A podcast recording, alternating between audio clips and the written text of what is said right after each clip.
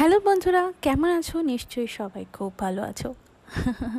কালকে গলাটা এতটাই খারাপ ছিল যে আমি তোমাদের সাথে কথাও বলতে পারলাম না, গল্পও করতে পারলাম না। আর তাই আজকে একটু ঠিক হতেই মনে হলো, না, এই আড্ডাটা, খোলা চিঠির আড্ডা কিন্তু মিস করা যাবে না। তাহলে তো আমি তোমাদেরকে মিস করব। আর তাই চলে এলাম তোমাদের সাথে গল্প করতে, আরও একটা এপিসোড নিয়ে।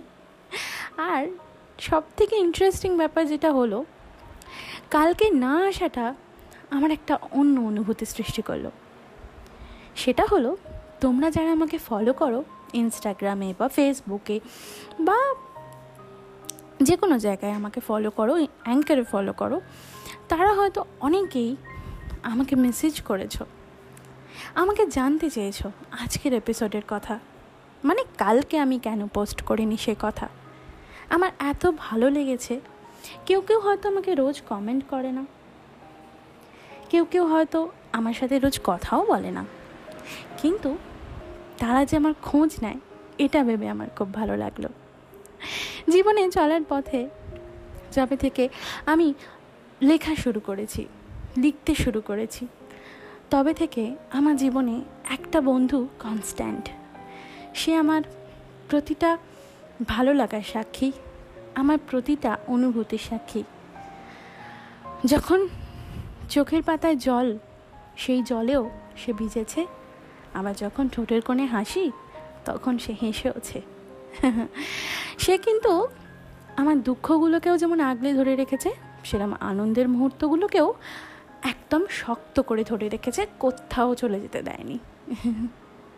যখন আমি দুঃখ পাই, তখন সে পেছন ফিরিয়ে আমাকে আমার আনন্দের মুহূর্তগুলোকে বারবার ফিরে তাকাতে বলে, যাতে আমার মনটা ভালো হয়ে যায়, যাতে আমি সেই দুঃখটা থেকে আনন্দের অনুভূতির মাধ্যমে একটু নিজেকে আশ্বস্ত করতে পারি। জীবনের সব মুহূর্ত বা সব মনের কথা হয়তো মায়েদের শেয়ার করা যায়। তার ছাড়া হয়তো বন্ধু বান্ধব বাকি সবাইকে সব কথা সবসময় বলা যায় না। কারণ কিছু কথা এরকম থাকে যেগুলো তোমার কাছে খুব ভ্যালুয়েবল কিন্তু তোমার উল্টো দিকের মানুষটার কাছে সেটার কোনো গুরুত্ব নেই। কিন্তু আমার এই বন্ধুর কাছে কিন্তু আমার সব কথার সমান গুরুত্ব আছে।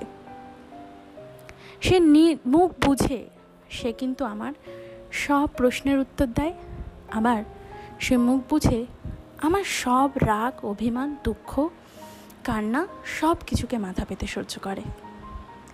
আনন্দে আমার সাথে হাসে, দুঃখে আমার সাথে কাঁদে। হ্যাঁ সে আমার একমাত্র বন্ধু। আমার মনের ডায়েরি, আমার ডায়েরির পাতা। আমি আগে রেগুলারলি ডায়েরি লিখতাম সব কিছু লিখতাম। সকাল থেকে উঠে থেকে কী করলাম, আবার তারপরে বেড়াতে যেতাম যখন, কীভাবে বেড়াতে গেলাম, পুরো একটা ট্রাভেল হিস্ট্রি থাকতো। এমনকি সেখান থেকে অনেক সময় নিয়ে আমি আমার স্কুলের ম্যাগাজিনেও দিয়েছি আমার ট্রাভেল হিস্ট্রিটা যেটা থেকে একটা গল্পের মতো বেরিয়েছিল। তাই সেই মুহূর্তটা আমার কাছে খুব স্পেশাল তাই ডায়েরিতে লিখে রাখা প্রত্যেকটা জিনিস, প্রত্যেকটা মুহূর্ত, একটা সাক্ষী হয়ে তো থাকেই, সাথে সাথে সেগুলোর কিছু ভালো গুণও কিন্তু থাকে। এই যেমন ধরো না, তোমাদের সাথে রোজ যেমন আমি আড্ডা মারতে আসি, ডায়েরির পাতায় কিন্তু আমি আমার জীবনের সব কথা যেমন লিখে রাখি, সেরকম তোমাদের সাথে আড্ডা মারার মুহূর্তগুলোও তো আমার কাছে খুব স্পেশাল সেগুলো আমি লিখে রাখি। আর প্রত্যেক দিন তোমরা আমাকে যে যা কমেন্ট করো, বা তোমরা আমাকে যে যা বলো, প্রশংসাই হোক, কিংবা কোথাও গিয়ে আমার ভালো করার একটা চেষ্টাই হোক, সেটাও আমি আমার এই ডায়েরিতে বন্দি করে রাখি। এই ডায়েরি বোধ একটা ইতিহাসের মতো। ইতিহাসের পাতায় যেমন আমরা রাজাদের সঙ্গে রাজাদের যুদ্ধ, বিবাদ সেগুলো পড়ি, সেরকম এই ডায়েরির পাতাগুলো বোধ হয় ওল্টালে আমাদের নেক্সট জেনারেশন যারা, তারা আমাদের ব্যক্তিত্বের পরিচয় পায়। সত্যি তো, একটা ডায়েরি মানে একটা মানুষের সারাটা জীবনের গল্প। সেই গল্পগুলো কিন্তু টিভি স্ক্রিনে বা সিনেমার পর্দায় দেখা কোনো নায়কের জীবনের গল্পের থেকে কম কিছু নয়। আর যারা, আমরা যারা হয়তো কাজের অভাব, কাজের জন্য বা অনেক বেশি আমাদের জীবন এখন ফাস্ট হয়ে গেছে সেই কারণে হয়তো ডেলি আমরা ডায়েরি লিখতে পারি না। জীবনের স্পেশাল মোমেন্ট বা খুব খারাপ সময়গুলো কিন্তু আমরা ডায়েরিতে লিখতে পারি। স্পেশালি এখন, এই কোয়ারেন্টাইনে আমরা একটা যুদ্ধ থেকে কম কিছু লড়ছি না। তাই এই সিচুয়েশনে আমার মনে হয় আমরা যদি এই অভিজ্ঞতাটাকে আমাদের ডায়েরির পাতায় লিখে রাখি, তাহলে আমাদের আগামী প্রজন্মও বুঝবে যে আমরা কীভাবে যুদ্ধ জয় করেছি। সেটা দেখে তারাও বোধহয় ইন্সপায়ার্ড হবে। যে বিশ্বযুদ্ধগুলো আগে হয়েছে, সেই যুদ্ধের তুলনায় এটা যে কিছু কম নয়, সেটা তারাও বুঝবে। আমার মাঝে মাঝে খুব ইচ্ছা করে, জানো তো, যে যদি আমি কোনো সাহিত্যিক বা কবি বা কোনো জ্ঞানীগুণী মানুষের ডায়েরি পড়তে পারতাম, কি ভালোই না হতো? তাতে কত অসমাপ্ত গল্প, কত অনুভূতি, কত লেখার সৃষ্টি, কত প্রচেষ্টা হয়তো অবরুদ্ধ হয়ে আছে। অনেক অসমাপ্ত গল্প হয়তো যেগুলো প্রকাশ পায়নি বা অপ্রকাশিত, সেগুলোও হয়তো আমি আগে পড়ে ফেলতে পারতাম। ইস, মাঝে মাঝে আমার এটা খুব মনে হয়। আর তাই মনে হলো, আজকে আমি ডায়েরি নিয়ে কথা বলি। ডায়েরিটা বোধহয় কোথাও গিয়ে একটা মনের আয়না। ছোটোবেলায় যখন আমি যখন থেকে ডায়েরি লেখা শুরু করেছি, তখন থেকে আমি আমার জীবনের ছোট্ট ছোট্ট ঘটনাগুলোকে ডায়েরিতে লিখে রাখি। আর সেই ডায়েরি পড়ে মা অনেক সময় জানতে পেরে যেত, যেগুলো হয়তো আমি মায়ের সাথে শেয়ার করতে পারতাম না, কোথাও গিয়ে একটু মনের কোণে সংকোচ হতো, মা সেগুলো ওখান থেকে পড়ে নিত। আর পরে যখন মা হয়তো আমার কোনো প্রিয় জিনিস যেটা আমি ভীষণভাবে চাইতাম কিন্তু মাকে চাইতে পারতাম না, সেটা যখন আমার সামনে নিয়ে আসতো, আমি খুব অবাক হয়ে যেতাম যে মা কী করে জানলো? আমি তো মাকে বলিনি। তারপর বুঝলাম যে মা আমার ডায়েরিটা পড়ে। যদিও আমার ডায়েরি বা প্রতিটা মানুষই তার জীবনের ডায়েরি হয়তো কাউকে পড়তে দেন না। কিন্তু কখনো কখনো লুকিয়ে চড়িয়ে কারোর ডায়েরি পড়ে নিলে হয়তো তার অসম্পূর্ণ গল্পগুলোকে পূর্ণতা দেওয়া যায়। আর তাই আমি খোলা চিঠির আড্ডায় তোমাদের থেকে তোমাদের ডায়েরির গল্প শুনতে চাই। তোমরা সেখানে কি কি কি শেয়ার করো? তোমরা তোমাদের ডায়েরির সাথে কি কি ভাগ করে নাও? খোলা চিঠিও তো একটা সেরকমই মাধ্যম, যেখানে তোমরা তোমাদের মনের কোণে জমে থাকা যে কোনো কষ্ট, দুঃখ, ভালো লাগা, খারাপ লাগা, প্রথম প্রেম, প্রথম চুমু সব কিছু শেয়ার করতে পারো। যদিও এগুলো খুব স্পেশাল বা খুবই খুবই পার্সোনাল হয়, তাও সেগুলো শেয়ার করতে পারো। আর আমি তোমাদের বন্ধু রইলাম তোমাদের অপেক্ষায়, যেখানে তোমাদের ডায়েরির গল্প আমি শুনব। নির্দ্বিধায় তোমরা আমার সাথে শেয়ার করতে পারো। আর সেই গল্প একদিন হয়তো আমি তোমাদেরই শোনাবো।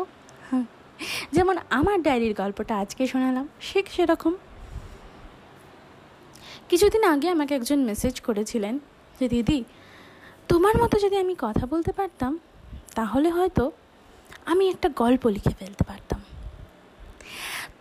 মনের ভাবনাগুলো দিয়েই তো আমার এই শব্দের সৃষ্টি। তাই তোমরাও চেষ্টা করো। নিশ্চয়ই পারবে।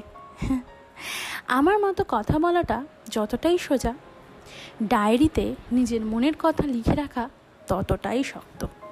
কারণ আমরা যেগুলো মুখে প্রকাশ করতে পারি না, সেগুলোই যে ডায়েরিতে লিখতে চাই, তাই সেগুলো অনেকটা কঠিন বটে।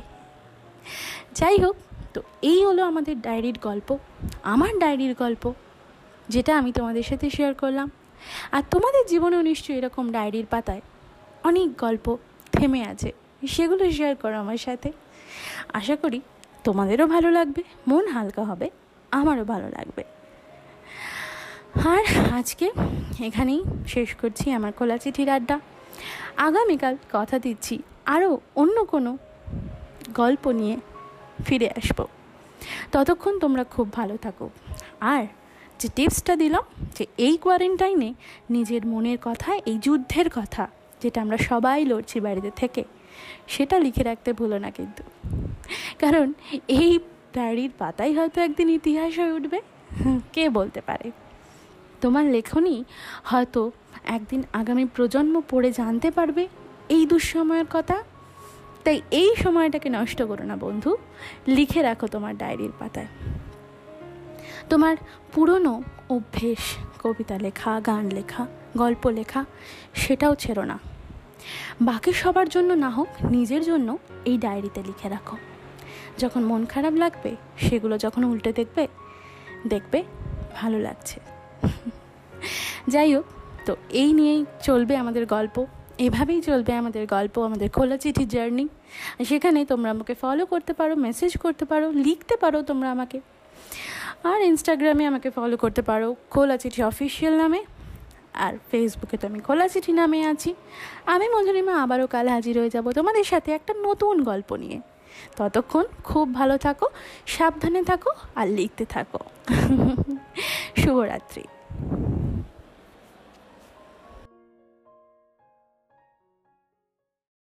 Música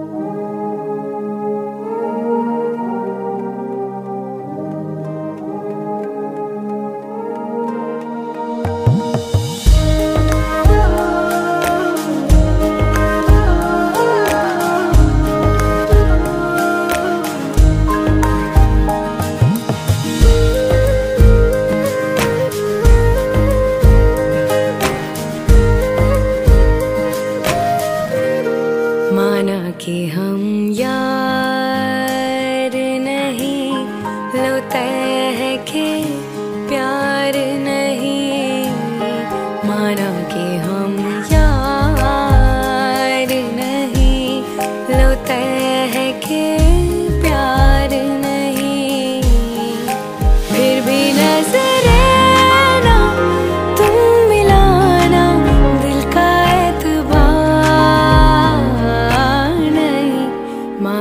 कि हम यार नहीं।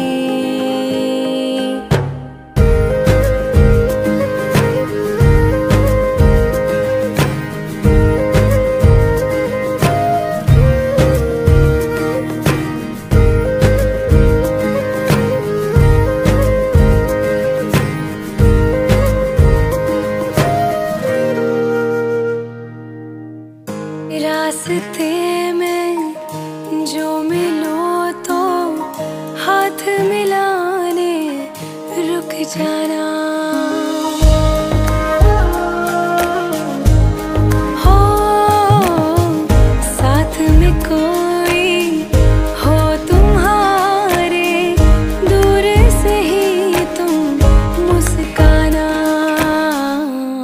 लेकिन मुस्कान हो वैसी जिसमें इकरार नहीं, लेकिन मुस्कान हो ऐसी कि जिसमें इकरार नहीं। नज़रों से ना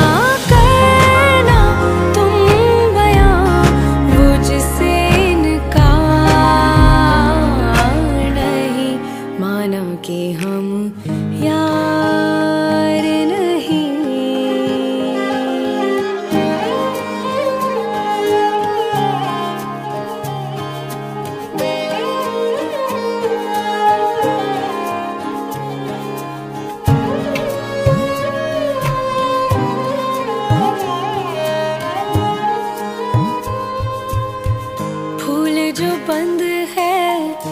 पन्नों में तुम उसको धूल बना देना।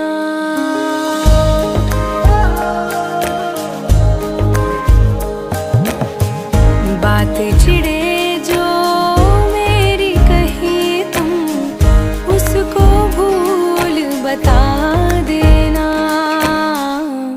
लेकिन